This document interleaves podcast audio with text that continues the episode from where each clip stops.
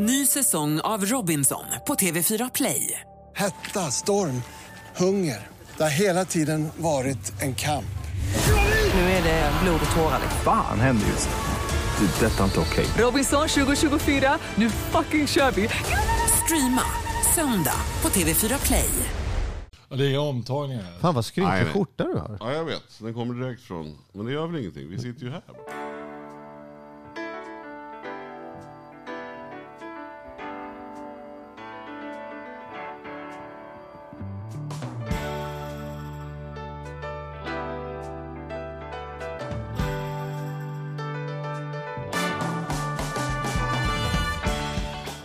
Välkomna till Ekonomi på riktigt med Charlie och Mattias. En podcast om ekonomi i samarbete med Compriser. Ja, Säg någonting snällt om Compriser, för det är vi väl de skyldiga tycker jag. ja, det tycker jag vi skiljer dem. Nej, men de är ju en eh, superbra jämförelsesajt. När Man går in och jämför ja, sina Mm. försäkringar eller lo- bolån eller vad det nu kan vara. Egentligen allting kan man ju jämföra hos dem. Och få också personlig hjälp om man vill. Och här borde man ju göra en sån här... Jag kommer ihåg Bo- Bosse Bildoktorn sa att man skulle skriva in i kalendern smörj handbromsvajern en gång per år. Det tror jag ingen gjorde, men det är väl en rolig tanke. Att man, man borde lägga in i kalendern var tredje månad, så här, ta en compriser-kvart. Just det, comprisa lite. Comprisa lite bara, köra igenom. För det, det är ju så att det är, kommer nya saker som är billigare och det man sitter på och tycker att man var som finurlig 1984 när man förhandlade barnförsäkringen, den är inte, den är inte top notch längre. Den är inte top notch, nej. Nej. Mm. Nej, men det är bra. Och i slutet Tack, på programmet Compriser. har vi lite bonus, eh, bonusstund med Kristina från Compriser. Jajamensan. Det vill ni inte missa. Men du, nu drar vi igång snart här. Ska vi göra det? Ja, vi gör det. Ska du presentera vår eminenta gäst? Alltså, eftersom vi gärna har velat ha sportpersonligheter sport, eh, Ja. eh, och det, jag vet att sport, om vi hade varit i På spåret så hade ju du tagit sportfrågorna. Ja. Så jag tänker att du får äran eftersom det känns som det är lite liksom eh, lite mer din... eh, Ja, ja, men det är lite så gärna. större för dig. Mm. Det är då med en stor ära som jag presenterar mannen, myten, legenden, handbollskungen, vad ni vill. Staffan Olsson, varmt välkommen!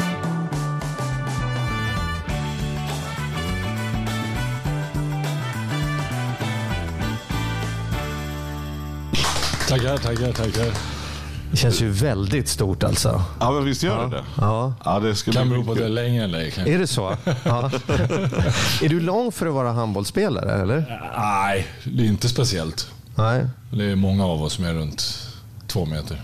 Just det, det är liksom standardlängden Ja, på i vilket fall på, ni, på de flesta positioner. Kantspelare kan vara lite, lite mindre. Sen så, så finns det ju alltid eh, spelare som, som gör det jäkligt bra som inte passar in i ramen så att säga. Men de flesta, Som den flygande köttbullen. Precis, ett, ett bra exempel. Så att, eh, men de flesta var eh, i min höjd och kanske lite bredare också. Vad, vad, annars då? Hur känner man igen en potentiellt bra handbollsspelare? Hur är, vad är liksom personlighet? Lång räcker ju inte. Är det många människor i världen som är långa? Som inte... Jag har nämligen lite teorier om hur handbollsspelare är, men vad skulle du säga? Ja, det, jag, jag tror att det handlar mycket om... om eh, självklart så, så måste vi ha lite bollkänsla och såna saker, men det, det är ju jäkligt mycket inställning. Ja. Det, det, är ju. Så att, eh, eh, det, det, det är mycket ord som går till, så blir trendigt. Och det, jag, jag vet inte fan varför jag blir, har lite svårt för sånt med det här med tjockt pannben och sånt där. Men att lite envis och, och eh, eh, tjurig tror jag, tror jag de flesta är. Det var precis så jag tänkte. För att jag jobbar nämligen med ett par handbollsspelare och de känner man igen på att de är så här. Det finns en, ett, ja men jävlar anamma eller tjockt pannben eller vad det sägs. När det, så här.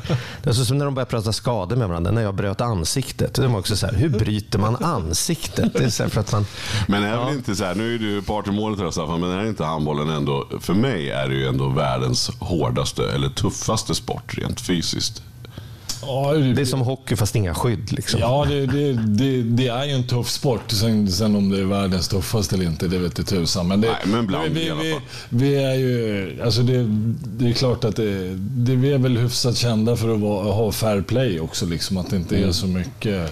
Nej, klart det att det är det. tjuvnyp och sådär, men att det, det är väl ofta så, så hjälper man andra att resa dem upp, eller resa sig upp. Ja, men det är det, om man, jämför med, om man då ska jämföra med fotbollen till exempel och bitvis hockeyn också, eh, tycker jag, så är det ju det här att det kastas och det filmas och det tjuras och det tuggas och sådär. Och det ser man väldigt sällan tycker jag på en handbollsplan. Man, fan, det smäller hårt och det, det dras ju verkligen i, i kläder. och Ja, men så här, alltså det är ju fula saker på riktigt, men trots att man blir utsatt för det så, så ställer man sig upp och sen kör man. Var, hur Varför kommer, är- hur, hur, varför har inte det svävat iväg och blivit som...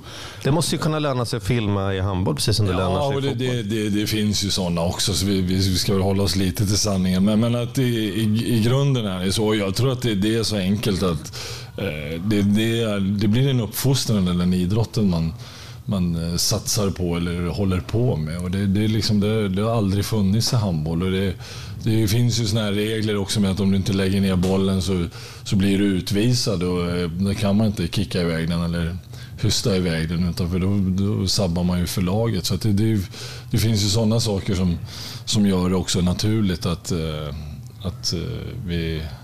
Men, jag, men jag tror mest att det, det är en... Ja, jag tror att det, det, det är liksom en kultur i, i, i handbollen. Att det, så har det varit och så hoppas jag att det förblir också. Men du har ju, så här, vi ska prata lite mer om din karriär såklart, men, men bara så här, jag tänker när du var tränare. Eh, du har ju varit en otroligt, väldigt aktiv tränare på plan. Alltså, eh, och, och het verkligen. Så här. Men, Vad betyder men, det, menar du, att man nej, är men att man är uppe och hoppar och gestikulerar och, och så här. Man gör några mål själv. Nej, men jag, var med, jag tror Staffan tog i, ibland såg det ut som att han tog i mer än spelarna.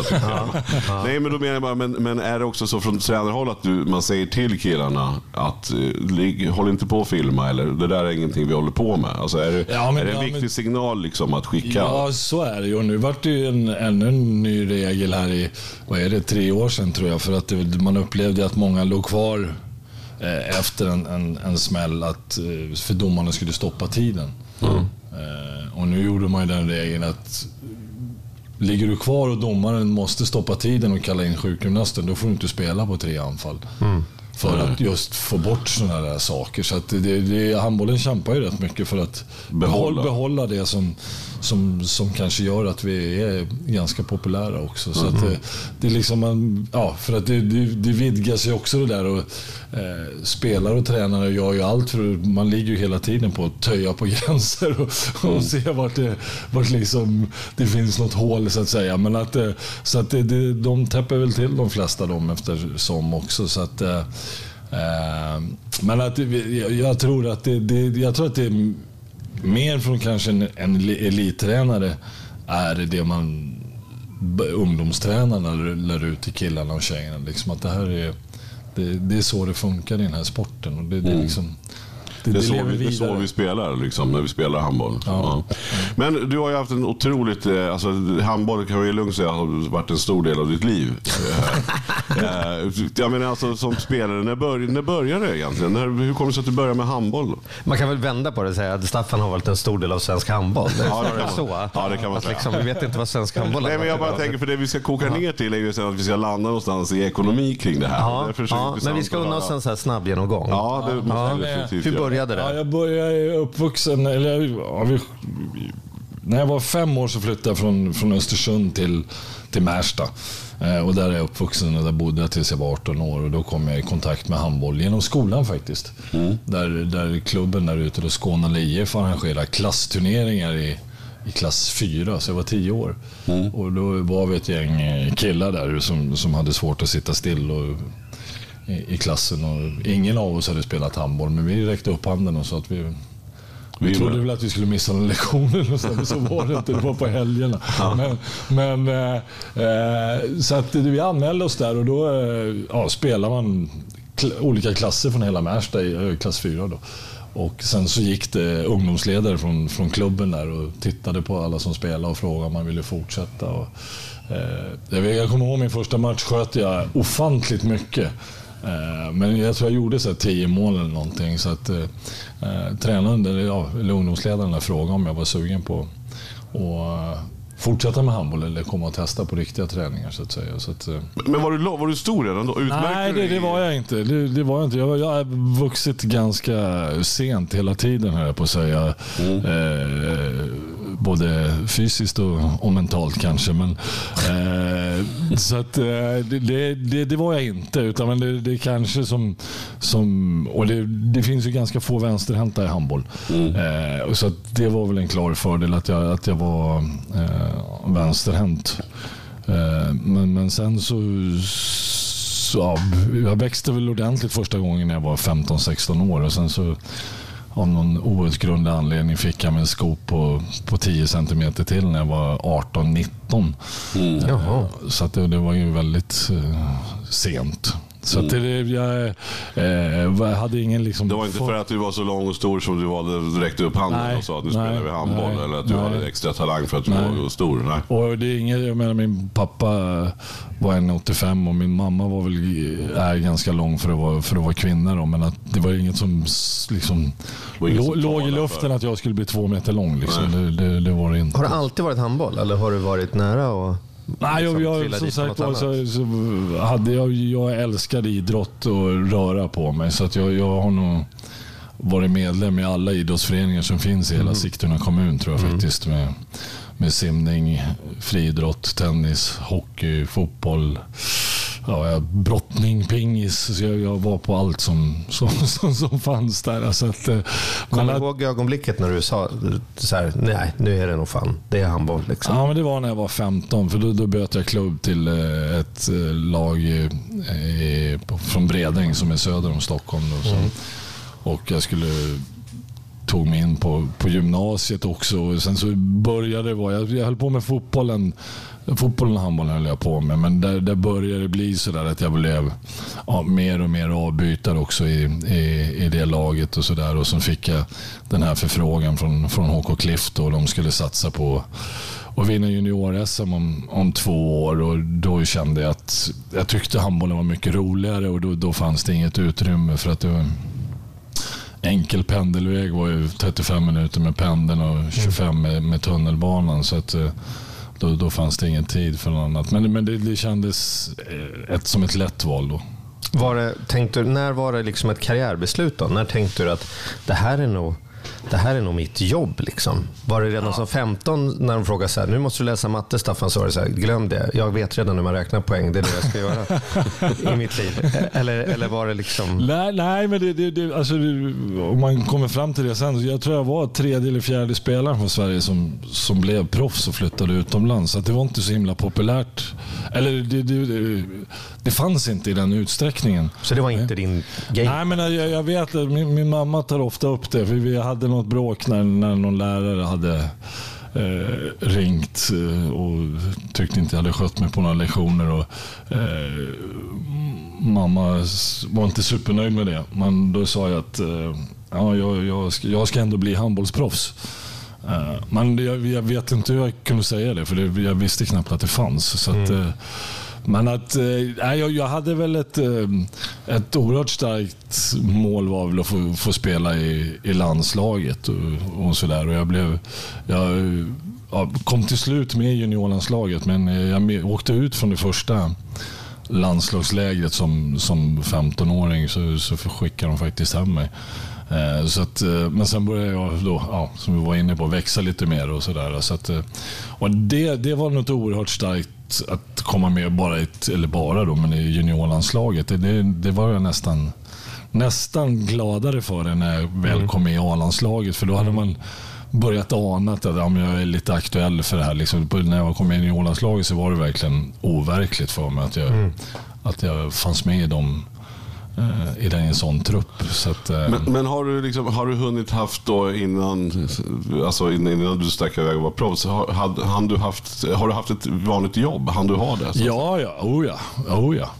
Jag, eh, nu ska vi se. Jag började på ett lager ute i Sundbyberg. Det är också bra om man är lång nämligen, om man jobbar på lag. Ja, ja. Eh, ja, det var mycket plockare.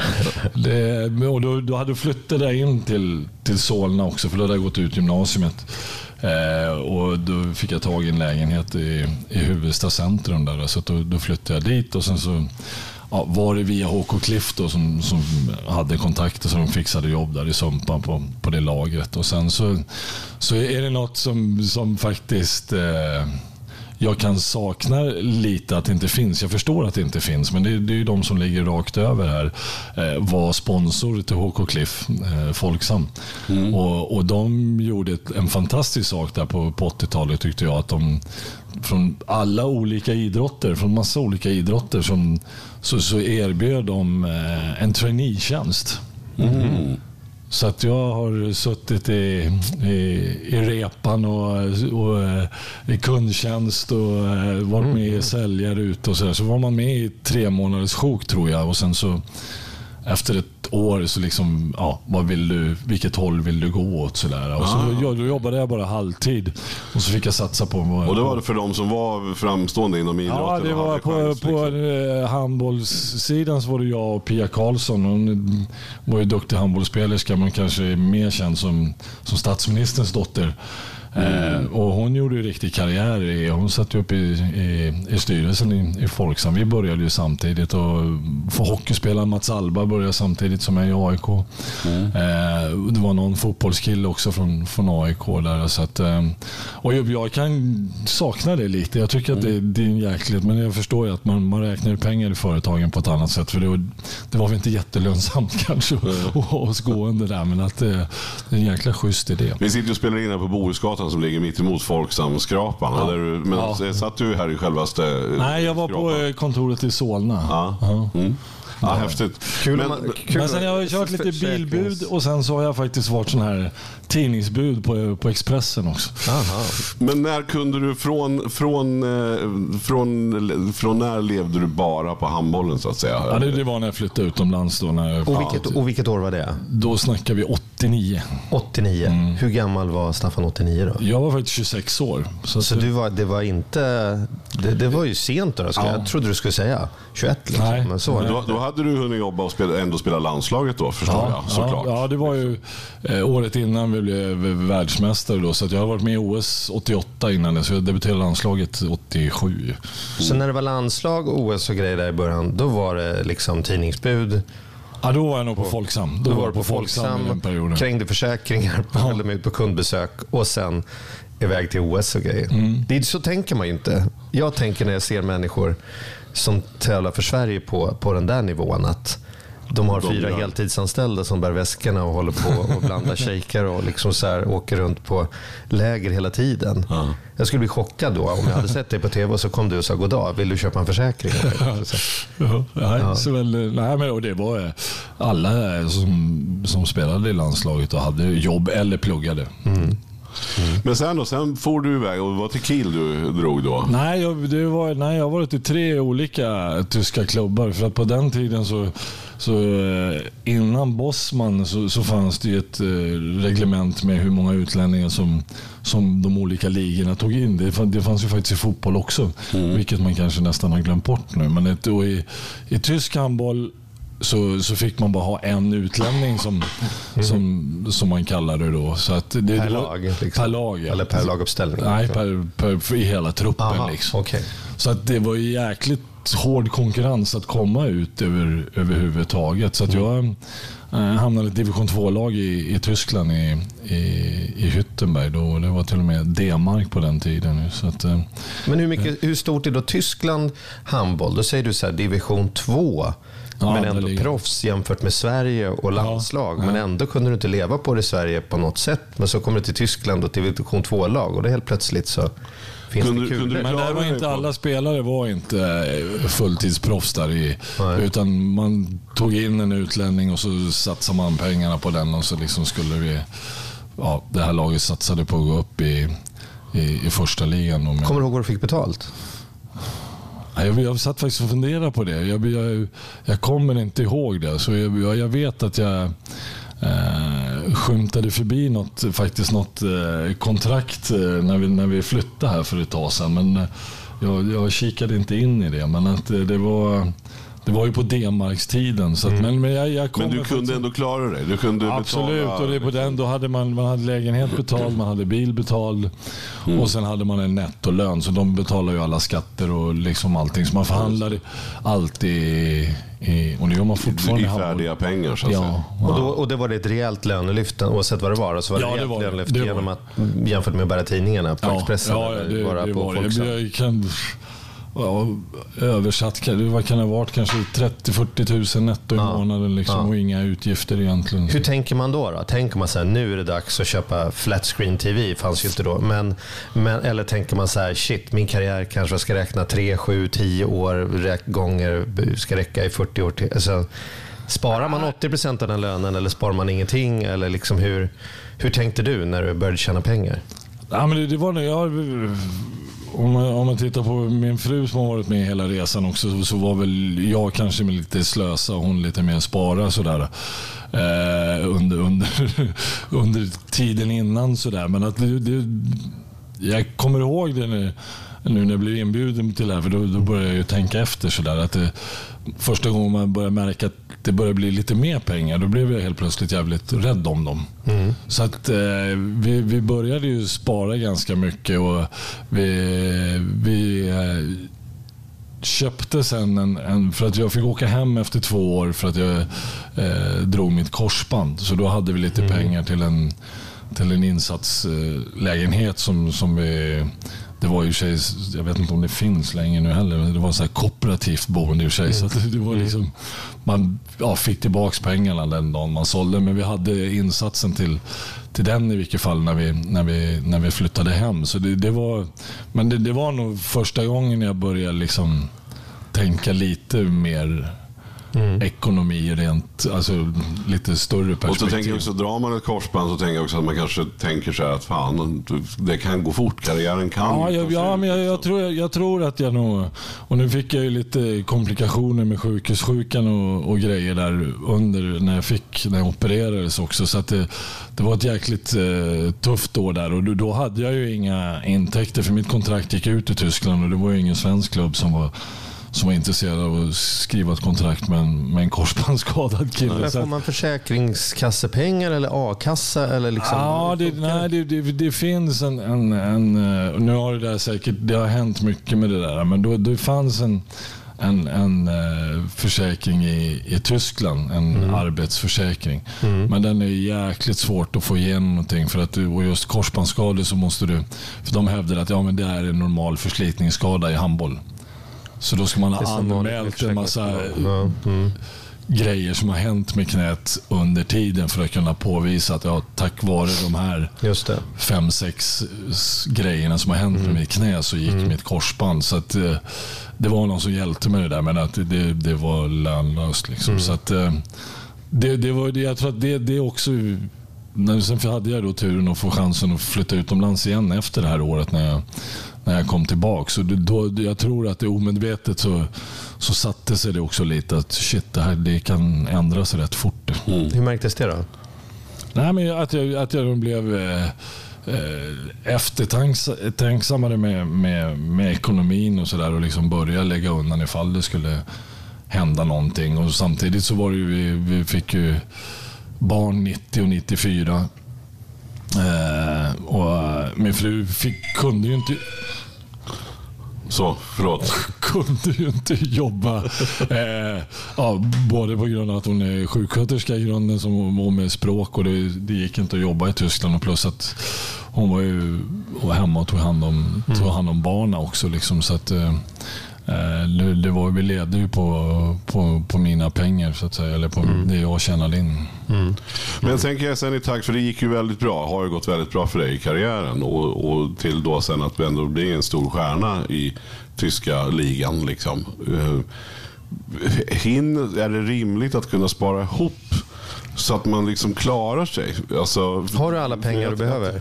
Jag tänker liksom... Ja. Är det så Zlatan-pengar på dig nu? Eller? Nej, det, det är ju tyvärr inte det. Jag, jag tror att det, det jag tror, eh, och det kan jag titta på, på, på mina kompisar från landslaget så är det ingen som har kunnat slagit sig till ro och inte göra någonting efter sin, sin karriär. Så, så mycket pengar har det ju inte varit och jag tror att i dagens läge Eh, kanske det är två till tre spelare som har tjänat så mycket pengar så att, att de kanske inte, om man nu vill det, inte skulle behöva göra något efter. Men det, det är inte mer än så i, i dagens läge heller. Sen så eh, har de väl en, de, de har en högre levnadsstandard under tiden de är proffsen.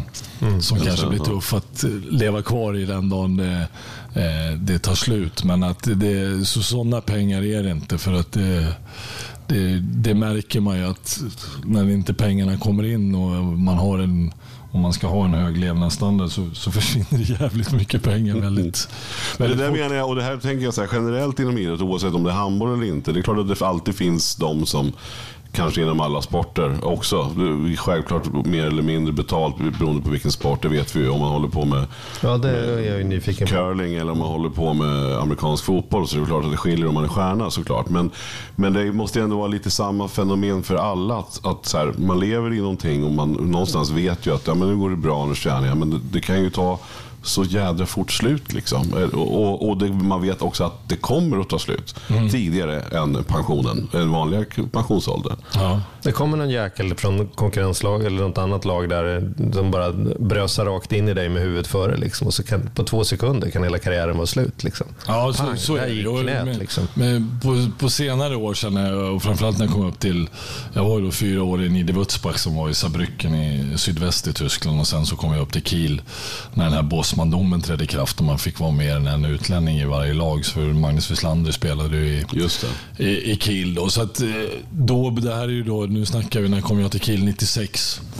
Eh, och under den här tiden så, så blev hela ligan mycket, mycket mer professionell också. Så det, det hände väldigt mycket under den tiden. Och, så där var vi ändå, på slutet så var jag ändå hyfsat försäkrad i, ifall det skulle ha hänt något. Men att det, det, jag tror att det, och under den här perioden, så man, man tror ju på något sätt att man är odödlig också. Liksom. Det, Så är det, du tänker inte så här så fort barnen ska klättra upp på det. Så här, för fan, tänk nu om det Nej, blir nej, sträckningar. nej jag hade, Man blir inte det är i och för sig en jäkligt rolig grej. För vi hade en väldigt bestämd tränare i, i Kiel, Noka Selarucic. Så eh, vi hade besök och vi, Stefan Löfven flyttade upp dit också. Så vi, vi, skulle, vi skulle spela den 2 januari. Eh, så att vi hade träning den första januari. Så att han var ju jäkligt nervös att vi skulle liksom skoja till det på nyårsafton. Där. Och eh, då kom jag på träningen den, den första januari så kom jag med, då har jag fått sytt här på, på kinden lite. Och han tror var ju helt övertygad om att eh, jag hade varit ute liksom och skojat till det. Men nu var det faktiskt så att vi, vi hade besök och så hade Stefan Löfgren och de besök. Och så var det, eh, det var en riktig vinter där i Kiel. Så att vi spelade hockey med kidsen. Så att jag hakade av de här små kidsen och han halkade och drog klubban rätt i, i kinden på mig. Så, så att det var riktigt krissamtal. Så att, nej, det, det var, jag är så rädd var jag Ja, inte. jag Men vi, vi, vi, hade, vi fick ju, en- det stod i kontraktet att vi inte fick åka på skidsemester och Mm. eh, sådana saker. Inte åka, åka motorcykel och, Mm. Och, och sådana saker. Så att, eh, Bra förklaring. Jag spelar hockey med barnen. Så Ja, så då vart han så sur så då, då sa, samlade han ihop hela laget och sa att ni får aldrig ni har hockeyförbud. Och Mm. tyskarna bara, ja men jag spelar aldrig hockey. Så det är rätt. Okej. Det var inget problem. Men varför skiljer det sig? Du sa det i förbifarten här. Finns det liksom någon logisk förklaring varför man, vissa sporter är det så oerhört mycket pengar i och andra är det mindre pengar i? Man, för det, man skulle kunna tänka sig att det beror på hur stor publik det är. Men golf är det ju inte en tiondel så mycket folk som går och kollar på en golftävling en onsdag som går och kollar på handboll. Så det, är liksom, det är inte så jädra självklart vilka sporter man tjänar pengar det är också mycket Ja, men är, okej, och handboll är inte i tv menar du? Eller? Ja, Ja, men inte det är lika så stor utsträckning. Och det, det, alltså det, det är enkelt förklarat med kommersiella intressen. Det, det, det är ju så enkelt det är. Sen, och sen så är det ju, tittar du på dem, det är ju få sporter, eller de flesta sporterna som är bäst betalda är ju populära i USA. Mm. Det, det, det är så det, det är en, går till. en enkel förklaring. Ja, Och sen så har du ju fotbollen som är worldwide. Liksom i, ja, ja. det- sen så, men, det, men det har ju, som Mattias är inne på, det har ju oerhört mycket med, med, med tv-rättigheter. Det, är- det är ju där, ja. Alltså man kan ju tycka att det är fullsatt i en hall, men det betyder ju inte lika mycket som, eh, Nej. som med tittarna såklart. Men, men, men jag tänker ändå, jag vill ändå återkoppla till det där att, att även om vi sa att det kunde hända någonting, alltså någon springer in i dig, så här, men man vet ju också att att man som aktiv, man kan inte vara aktiv handbollsspelare hur länge som helst. Det finns ju en fysisk omöjlighet i det. Liksom. Eh, och den, tänkte, man på, tänkte du någonting på det under tiden? Att nu måste vi, nu måste vi bunkra här lite. För liksom, vi vet ju inte. För snart kommer det ju ändå en dag när du inte kan ta plats längre i Kiels här i lag. Liksom. Vi, Ja, vi kan ju podda tills vi är 92. Det är, fara. det är bara att rulla in oss. Liksom. Nej, men det, det absolut så, så eh, började jag spara och jag, jag, hade ju någon, jag hade ju aldrig någon eh, agent som alla har nu för tiden utan jag gjorde alla förhandlingar och sånt eh, själv också. Så att, eh, men men jag, jag såg ändå till att jag hade en bankman här i Sverige. Och sen så var det i slutet på 90-talet så, så var det en, eh, en kille, Jan-Erik Nilsson tror jag va, som för detta fotbollsspelare från, från Blåvitt som började jobba på SE-banken och han fick nog upp något litet öga för handbollsspelare så han tog kontakt med alla oss som var utomlands. Och då började vi bli ganska mycket folk och då eh, att ja, hjälpa oss med, med våran ekonomi och det, Så fick han, kunde han få fler så fanns han med en lönsamhet att hjälpa. Ja, så att det, och det, det, det var eh, bra till, till en viss del. Och jag vet att många tog sig till honom och det var ju på den tiden också det var lite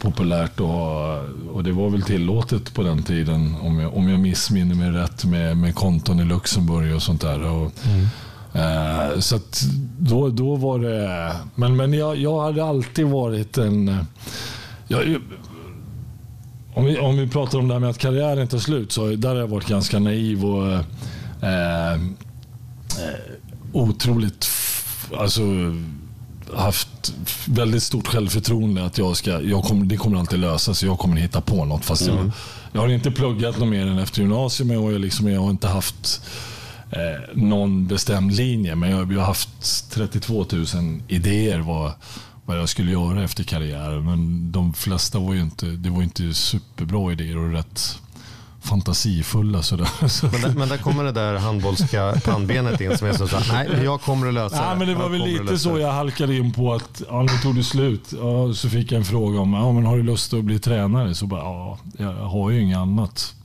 Så jag hade inte bestämt Mm. Det var inte som att det var liksom Nej, naturligt för dig nej, att tränare kommer nej. att bli nästa grej. Nej, så att det... Men ändå väldigt smart, eller så här, vad man får säga, givet på ett sätt men ändå... För oss var det ingen chock liksom. direkt. Nej, nej det var det inte. Men det det, det, var inget bestämt sådär. Jag lekte med tanken ett par år innan jag slutat. För att då började det ploppa upp det här med agenter och det. Att jag kanske Mm. skulle bli det för att jag har ett stort kontaktnät. Och, och liksom börja samarbeta med någon advokat och sådär. Men det, det, det, det, liksom satt sig aldrig. Och det, det är en rätt...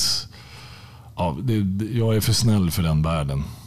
Man, man måste vara lite skitstövel. Men det var inga sådana galna projekt som, som man inte flög, som att du öppnat en Ja, massor. krog Massor. har, du öppnat, Massor. har du öppnat någon krogkedja Nej, i jag- Stureplan jag- eller en egen pastasort? Vi- jag- eller liksom så Nej, vi... det här är en farlig fråga. Men ett av de roligare grejerna, så, och den, den kan jag ju... Det var ju faktiskt att vi, och jag kommer inte ihåg om det var jag eller Wislander eller Lövet som... Vi hade med oss, någon av oss hade med oss Estrella chips på, till Tyskland där, och så på någon bortamatch efter. Och så gick han runt och bjöd. Och alla tyckte det var så jävla gott. Så då bara, fan, Estrella chips finns inte i Tyskland. Så då skrev jag ett fax, tror jag det var på den tiden, till dem. Det får ni googla, Kids och faxa. Och fråga om jag kunde få äh, ta in Estrella chips i Tyskland. För då hade jag nämligen en, komp- en tysk kompis också som, som jobbade inom Coop som, som var en av de största livsmedelskedjorna. Så, så snackade jag med honom. Ja, men jag kan eh, ta in dig till liksom att du får presentera det här för, för företaget. Så där tänkte jag bara, nu jävlar. Nu har du det. Ja. Ja, och de svarade jättetrevligt bara, ja men det, vi, det, vi har fått en förfrågan från ett annat företag också. Eh, Så att om du kan göra en presentation av din eh, strategi och ditt, och ditt företag, hur, hur det här ska gå till. Och jag, tänkte, jag hade ju ingen aning. Liksom, så jag ljög ihop lite där. Men då det andra företaget fick Ljög bättre. Ja, men det var Så, så att jag, Du kunde ha suttit här och varit chipskung eller? Ja, ja precis. Och, ja, jag hade lite, men det var det många som avrådde mig snabbt till. Eh, Jag var i kontakt med Tiger också för att, med kläderna till Tyskland. Men det sa alla bara håll dig borta från klädesbranschen. Mm-hmm. Mm-hmm. Så, att- men det, Det kostar skjortan. Förlåt, förlåt, Men, men, låt säga, men, men var det tufft den där, bara, liksom, jag tänker det här avslutet då, när du stod inför att nu är det ju sista matchen. Alltså, vad, hur, hur var det? Alltså, eller sista säsongen, du visste att nu, var, var det på grund av att du alltså, var någon skada eller kände du att du inte räckte till? Eller var, någon gång kan man ju ta det där beslutet. Liksom. Ja, men det, det, det är jag oerhört glad för. Att, att det blev så. Att det, det, både min kropp och framförallt eh, i huvudet så, så var jag färdig med att spela handboll. Eh, jag höll på tills jag var 40 år och sista året så skulle jag nog inte ha spelat. För då, då var jag inte, även om det, jag har svårt att erkänna det, men jag var inte bra då. Och det var, jag, jag skadade mig faktiskt på slutet också. Men, eh, och då sa motståndarlaget, för vi mötte Guif i, i kvartsfinal. Och så skadade jag mig i match ett där eller någonting. Och så sa han att eh, för då, ja, var, var det tråkigt att Staffan blev skadad? Nej, Hammarby spelade bättre när han blev skadad, svarade han. så då, men då, hade jag redan bestämt mig. Att, Så att jag, jag har aldrig liksom längtat tillbaks eller haft sug. Sådär. Jag, jag var helt färdig. Liksom, Mm, jag kände att många av killarna var, kunde jag ha varit pappa till på, på riktigt. Liksom, Mm. och vissa var ju dubbelt så gammal som i omklädningsrummet. Så jag, kände, liksom, det var, jag var bara... Det var, det var klart. Liksom. Ja, det var klart. Ja. Och det, jag, jag kunde ta lite skit det sista halvåret för att det, det var det värt liksom, istället för att känna fem år senare att man la av för tidigt. Det tror jag är, är jobbigare. Ja, Hur var tränarlivet då? Ja, för när kom det? Kom det direkt på? Ja, ja det, och det, jag visste ju om det då. Så att, Ja. eh, och det, det, det, det, det gick ju... Det gick ju för bra. Jag började ju min karriär med att ta tre SM-guld i rad. Så att jag tänkte det här var inte så jävla svårt. Med Hammarby? Men det- och då, då, hade, då körde jag bara mitt eget race egentligen och liksom med det och hade blivit uppfostrad i och lärd och liksom utbildad av mina tränare och sådär. Ja, Men hur ser livet ut som tränare? Jag, jag, för jag ser ju bara när man står och vevar där bredvid plan och så ritar man 20 sekunder på någon sån här liten... ja, nej, men det, Va, va, va, vad gör man en vanlig vecka liksom? Hur, hur Ja, är det- jobbet tränare? För det första innan en säsong börjar så, så gör man en hel säsongsplanering. Sen så i handbollen så, så får ju vi tränare göra mycket med träningsläger och, och allt sånt där och rodda i, i sådana saker. Och sen så, så är det ju eh, ja, göra ett träningsupplägg, planera varenda träning. Eh, och sen så, så när matcherna kommer igång så är det ju matchförberedelser och analyser av eh, av, av motståndarna. Och på, på den tiden så, så var det ju fortfarande VHS-kassetter. Det började smyga in sig DVD då. Men att jag tittade ju på motståndarna minst tre till fyra matcher. Och på den tiden så klippte man ihop det här till spelarna så de skulle slippa. Så satt jag med en sån här dubbelvideobandspelare och stoppa, starta, stoppa, starta. Och så skulle jag ha det i slow motion en gång så de skulle se det tydligt också. Och då jag hade en sån här, det- jag tror det var Philips eller något som kom ut med en sån här som man kunde köra slow motion med en knapp så här. Ja. Eller med så här rund, ratt. liksom. ett hjul. ja. Så då var man ju king. Alltså. Så det tog ju en jäkla tid bara. Så att det, det är ganska mycket och sen så är, så är det det här och det, det kommer mer och mer. Jag började med det i och för sig rätt så tidigt med att ha eh, och det, det snodde jag rakt av från, från skolan egentligen med att ha lite så här utvecklingssamtal och, och, och sådana saker och försöka liksom hitta individerna i, i, i det här också. Så det, det, det tar jäkligt mycket tid gör det. Även om man det är kanske bara en och en halv timmes träning så, så är det mycket för och Det, efterarbete. det är en heltid liksom att träna. Ja det är det. Det, lag- det, är det. Det är det absolut. Men det gick ju väldigt bra som du sa. Du hade tre SM-guld.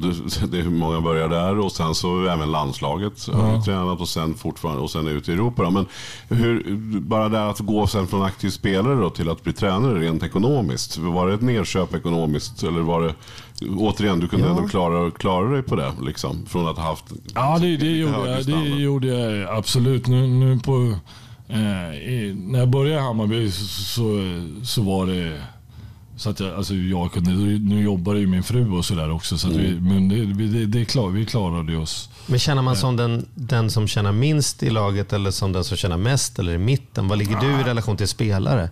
Ja, det, det, det, det fanns ju en tid och jag vet inte hur det är i fotbollen men eh, det var väl Ferguson som sa att han skulle tjäna en krona mer än den bäst betalda spelaren för att han skulle veta vem som var chef. Liksom. Men, men det, det har ju försvunnit nu och jag tror det har försvunnit i fotbollen också. Att, eh, och det vet jag att min tränare Kiel var sur över att när han fick reda på att första gången en spelare tjänade Mer. mer, än honom. Eh, så, så nu är det, jag kan tänka mig att tränare kanske ligger på, ändå om man jämför med spelare, på den övre halvan. Av, Om man tittar på en lönesammansättning i, i, i laget. Men det, de, de, jag tror det är få klubbar där, de, där tränarna är bäst betalda Just nu för tiden. Men man ligger ändå på den övre halvan men Ja, inte, ja. inte i topp. Liksom. Ja.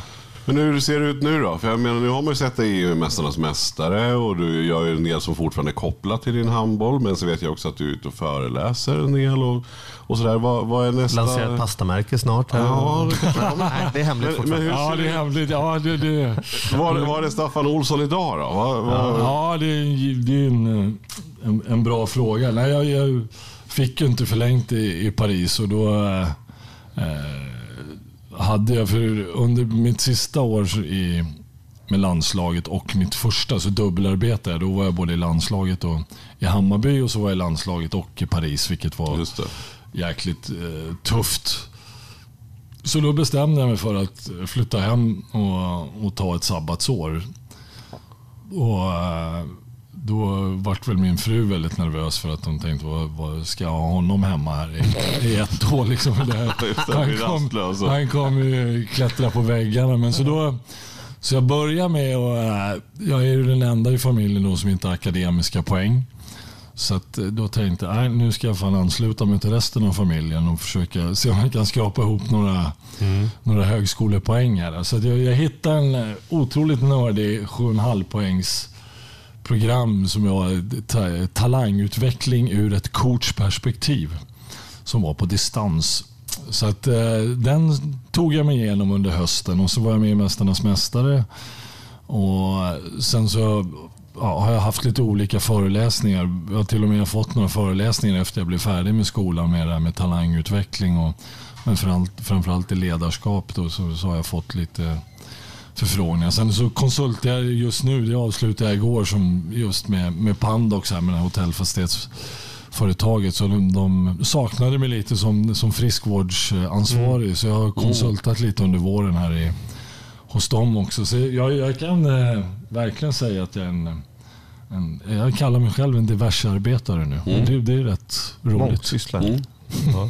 Ja. Ja, men det är ju jättespännande. Men vad, då, då tänker jag på, um, ja, men som du sa, nu har du haft de här lite olika projekten, men just inom talangutvecklingen och hysterin som vi ser inom ungdomsidrotten. Och, alltså, vilket, det här skulle vi kunna prata i flera timmar. Ja, känner jag. faktiskt. Jag har själv haft barn som har varit aktiva och sett, sett alla sidor av det, både positiva och negativa. Och, och sådär. Vad, är det någonting du brinner för? Är det någonting du tror du kommer jobba mer för? Ja, jag, jag tycker att det är oerhört spännande. Och det, det var en period eh, när jag var förbundskapten som jag drev ett talangprojekt i handbollsförbundets regi där vi, där vi skulle försöka hitta lite spelare som, som vi trodde att vi skulle behöva för, för framtiden. Så, det, så där började det väl någonstans. Men då, ja, då gick jag bara på egna erfarenheter. Och liksom det, så att det, det var där någonstans det intresset startade för. Och det, det är något jag ja, verkligen brinner för. Och jag tycker att det, man får ju fler och fler rapporter om att eh, eh, ungdomar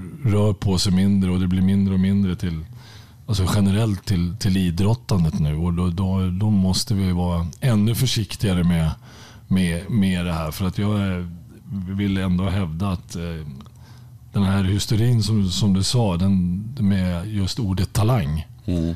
jag, jag tror att vi tappar oerhört många ungdomar på grund av, av, av den hysterin också. Att det, det måste, för att det, det, det, det, det alltså i all forskning säger att det, det finns ingen människa på denna jord som kan sitta och säga om en, en tioåring är en talang eller inte oavsett idrott. Det, det, det är faktiskt bara bullshit de, de som sitter och säger det. Och den, och den, den största boven tyvärr är det här är ju tränare och föräldrar.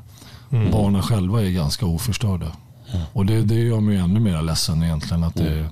och jag tror att vi alla kan Jo, men det plockas ju ut stjärnlag redan när de är 10-11 år. Att ja. man ska man indela så att det är vissa lag och, och, det är in, och det är inte bara inom lag, det är väl inom alla idrotter. Men framförallt kan jag också tycka att inom, inom lagen att man har kört sitt egna personliga race. Man mm. hoppar runt bland klubbarna, man går på elitcamper och, och tränarna och föräldrarna eldar på. Det är ju, jag har ju sett det inom hockeyn och det är helt galet. Ja. Det är ju sinnessjukt om jag ska vara helt ärlig. Ja, ja men det, det, det, det är det ju. Det, ja, det, det, det, det är bekymmersamt tycker jag. Mm. Så att, det var professorn på den här kursen sa, han, han tyckte också att han sa att vi, vi kanske ska ta bort ordet talang och bara prata utveckling. För det, det är det det handlar om.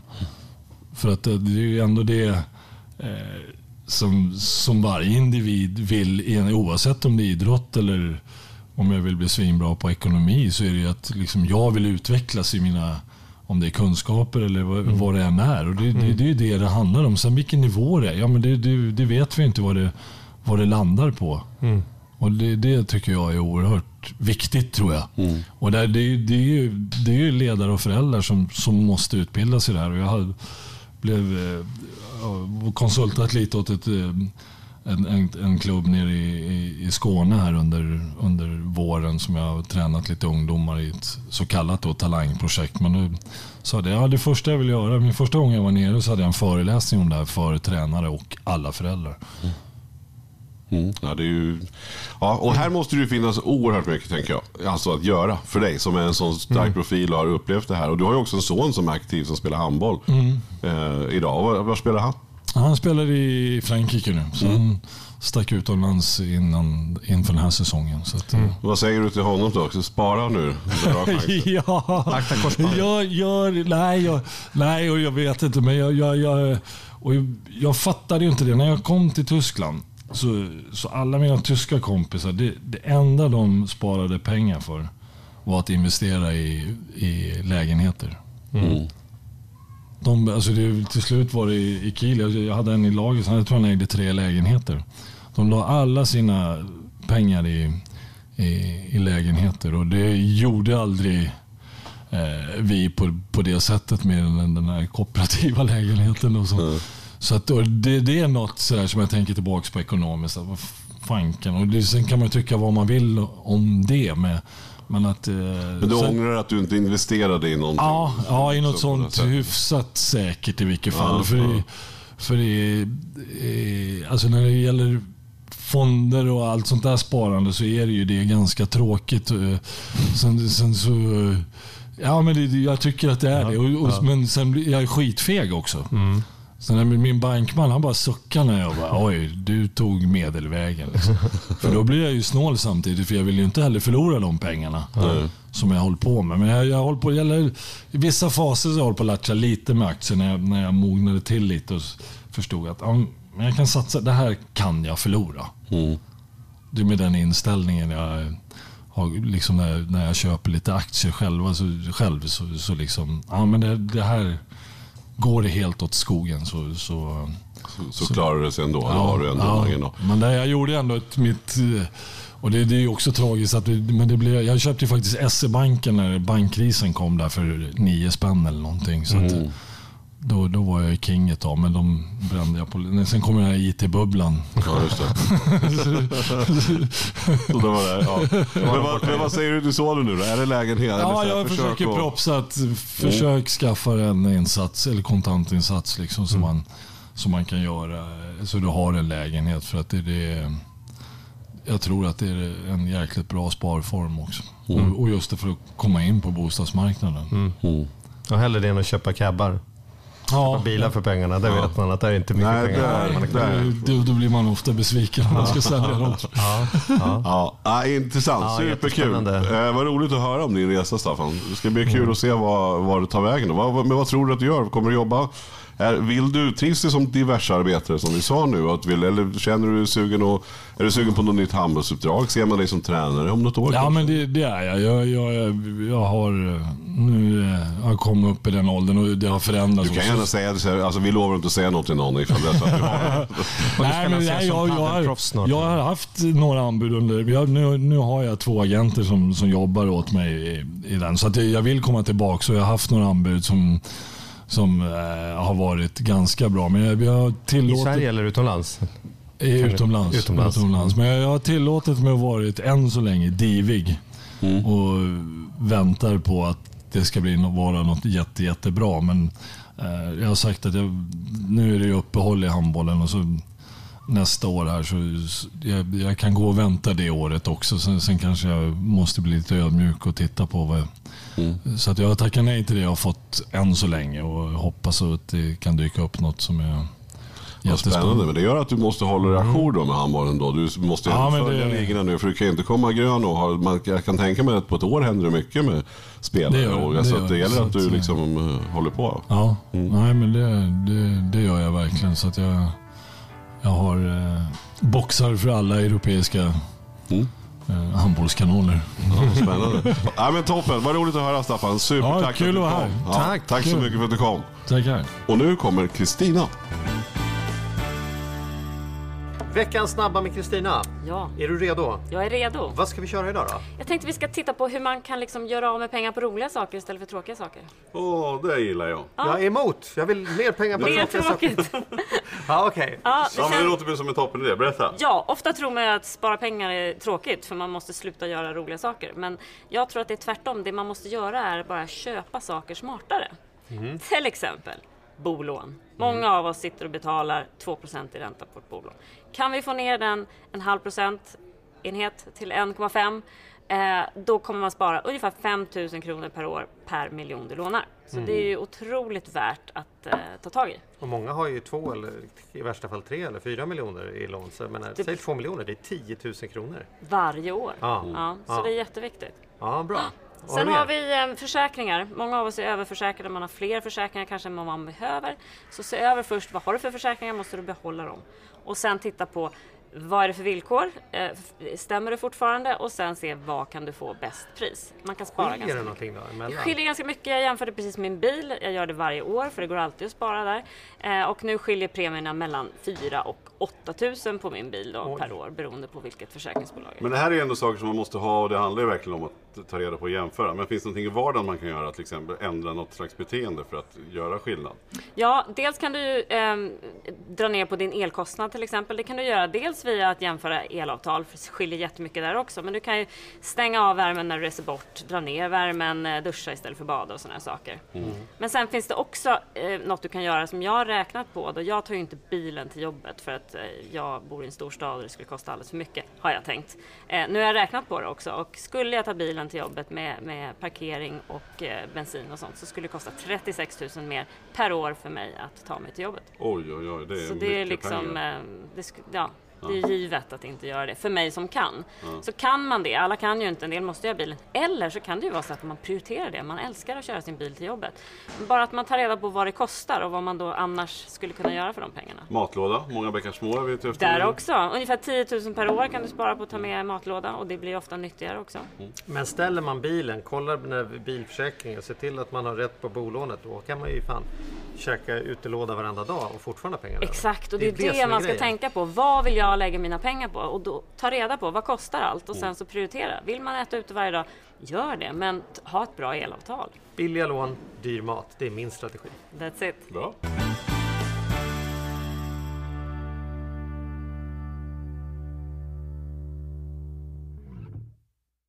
Ny säsong av Robinson på TV4 Play. Hetta, storm, hunger. Det har hela tiden varit en kamp. Nu är det blod och tårar. liksom. Fan händer just nu. Det. är Detta är inte okej. Robinson 2024, nu fucking kör vi! Streama söndag på TV4 Play.